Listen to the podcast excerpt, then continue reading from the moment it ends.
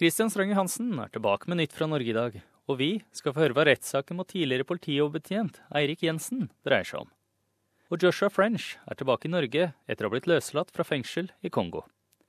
Og Rosenborg har nylig feiret 100 år, og det var gode prestasjoner fra Edvald Bosen Hagen på sykkelen, og ishockeylaget har spilt i VM. Dette og mer til skal vi få høre fra Kristian Strange Hansen. Velkommen tilbake, Kristian. Jo, takk for det. Det er gøy å være på'n igjen. Men la oss hoppe inn i nyhetene. Den mest omtalte saken i Norge den siste tiden handler om rettssaken mot tidligere politimannen Eirik Jensen og smugler Gjermund Cappelen. Kan du fortelle litt mer om hva dette dreier seg om? Saken går tilbake til eh, desember 2013, da Gjermund Cappelen ble pågrepet av politiet.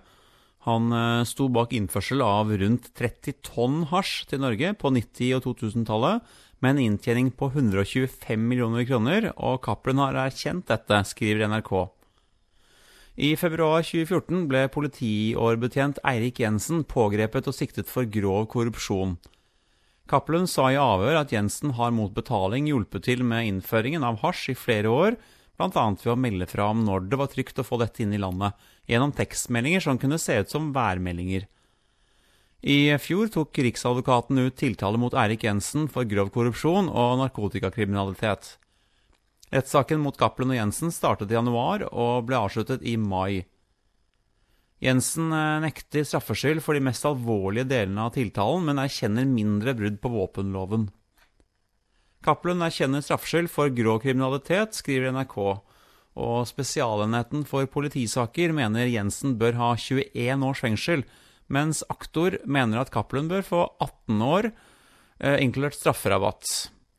Jensens forsvarer derimot, Jon Christian Elden, mener at aktors prosedyre er basert på synsing, tolkninger og lite håndfaste bevis, og vil ha frifinnelse.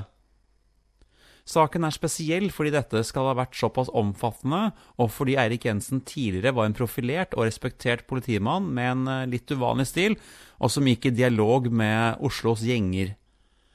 Det er ikke vanskelig å se for seg at dette er godt stoff for, eh, stoff for bøker, og Jensen ga selv ut boka På innsiden i 2015, og i fjor skrev han kriminalromanen 'Attentatet' sammen med Thomas Vinje Øyjord.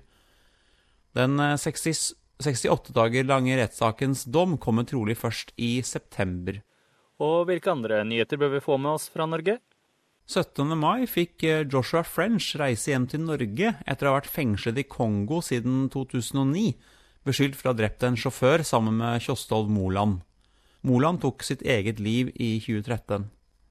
Ellers, eh, Norge fikk nye pengesedler på tirsdag. Mens sedlene tidligere viste kjente nordmenn, og fortsatt gjør det, så har de nye sedlene motiv fra havet.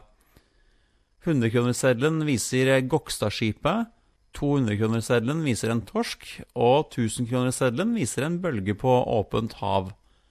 Bare 100- og 200-kronerssedlene kom i bruk nå, mens de andre kommer neste år og i 2019. Man kan eh, veksle inn de gamle sedlene i ti år etter at det har kommet nye. Ellers så har jo de politiske partiene hatt sine landsmøter, og det er nå omtrent to måneder til valgkampen begynner. Ved valget 11.9 kan det bli spennende om de små partiene kommer over sperregrensa, og om Senterpartiet klarer å vinne så mange nye stemmer som meningsmålingene tilsier. Og det blir mer valgstoff etter hvert. Og vi skal eh, over til sport. Eh, hvordan gikk det for de norske syklistene i Tour of Norway? Ja, Som vi vet, så vant Edvald Boasson Hagen hele Tour de Fjords sammenlagt, med seier på siste etappe på søndag. Men eh, Boasson Hagen vant også Tour of Norway, selv om han veltet 12,8 km før mål på siste etappe. Rittet startet på selveste 17. mai i Hønefoss og var innom Hamar og andre byer før femte og siste etappe endte i Oslo. Edvald Boasson Hagen vant faktisk eh, førsteetappen på sin egen 30-årsdag. Og hvordan gikk det med Norge i eh, ishockey-VM? Årets VM ble arrangert i Frankrike og Tyskland i mai, og Norge ble nummer seks av åtte i sin gruppe. Til slutt så ble vi nummer elleve, men sammenlagt så rangeres Norge nå som nummer ni i verden, og har gått opp to plasser. Det australske herrelaget er for øvrig rangert som nummer 33. Sverige ble verdensmester i år etter å ha slått Canada. Og hjemme i Norge vant Stavanger Oilers både serien og NM i år.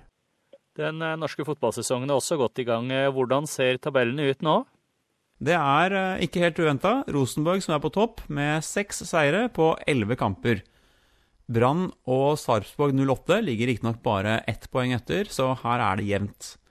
Et litt større overtak har Bodø og Glimt i førstedivisjon, og fra og med i år er andredivisjon, altså den tredje øverste divisjonen, delt i to avdelinger og ikke fire, som det var før.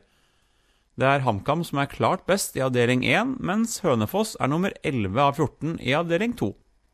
I kvinnenes toppserie er det tre gamle kjenninger som ligger øverst på tabellen. Avaldsnes, LSK Kvinner og Stabæk. Det var disse lagene som dominerte i fjor også. Og til slutt så må vi få med at eh, Lyon-spilleren Ada Hegerberg ble kåret til årets beste kvinnelige fotballspiller av BBC. Og et av Norges bedre fotballag fylte nylig 100 år. Kan du fortelle litt mer om det? Ja, det var eh, Rosenborg som nettopp fylte 100 år, og det ble markert med festkamp på Lerkendal. Laget ble stiftet med navnet Odd til ære for det allerede veletablerte laget Odd fra Skien, som er Norges eldste fotballag. I festkampen så var det spillere som var aktive på 1900-tallet, som spilte mot spillere fra 2000-tallet. Og de yngste vant 11-9, men det må sies at de mer voksne spillerne virkelig ga dem motstand. 47 år gamle Roar Strand klarte f.eks. å skåre tre mål, og Jan Ivar Mini Jacobsen var også i god nok form til å få inn ett mål. Beste spiller på 2000-laget var 36 år gamle Jan Gunnar Solli med fire mål. Av andre spillere som deltok, kan vi nevne Jon Carew, Sigurd Rushfeldt og Steffen Iversen. Det var selvsagt Nils Arne Eggen som var trener for de godt voksne, og kampen ble spilt på halvparten av banen på redusert tid foran mer enn 11 000 tilskuere. Disse fikk også med seg låta 'Bildetonn Ivers', framført av bl.a. Åge Aleksandersen og Arve Tellefsen. Og Ivers, eller Odd Iversen, ble av Adresseavisens jury og lesere kåret til tidenes nest beste Rosenborg-spiller, etter Roar Strand. Rosenborg har vunnet den norske serien 24 ganger, bl.a. alle 13 gangene fra 1992 til 2004, og også i fjor og i 2015. I tillegg har laget slått Real Madrid og andre kjente lag. Det var Christian Strønge Hansen med nyhetssammendraget fra Norge. Jeg er Frank Mathisen, og du hører på SBS norsk.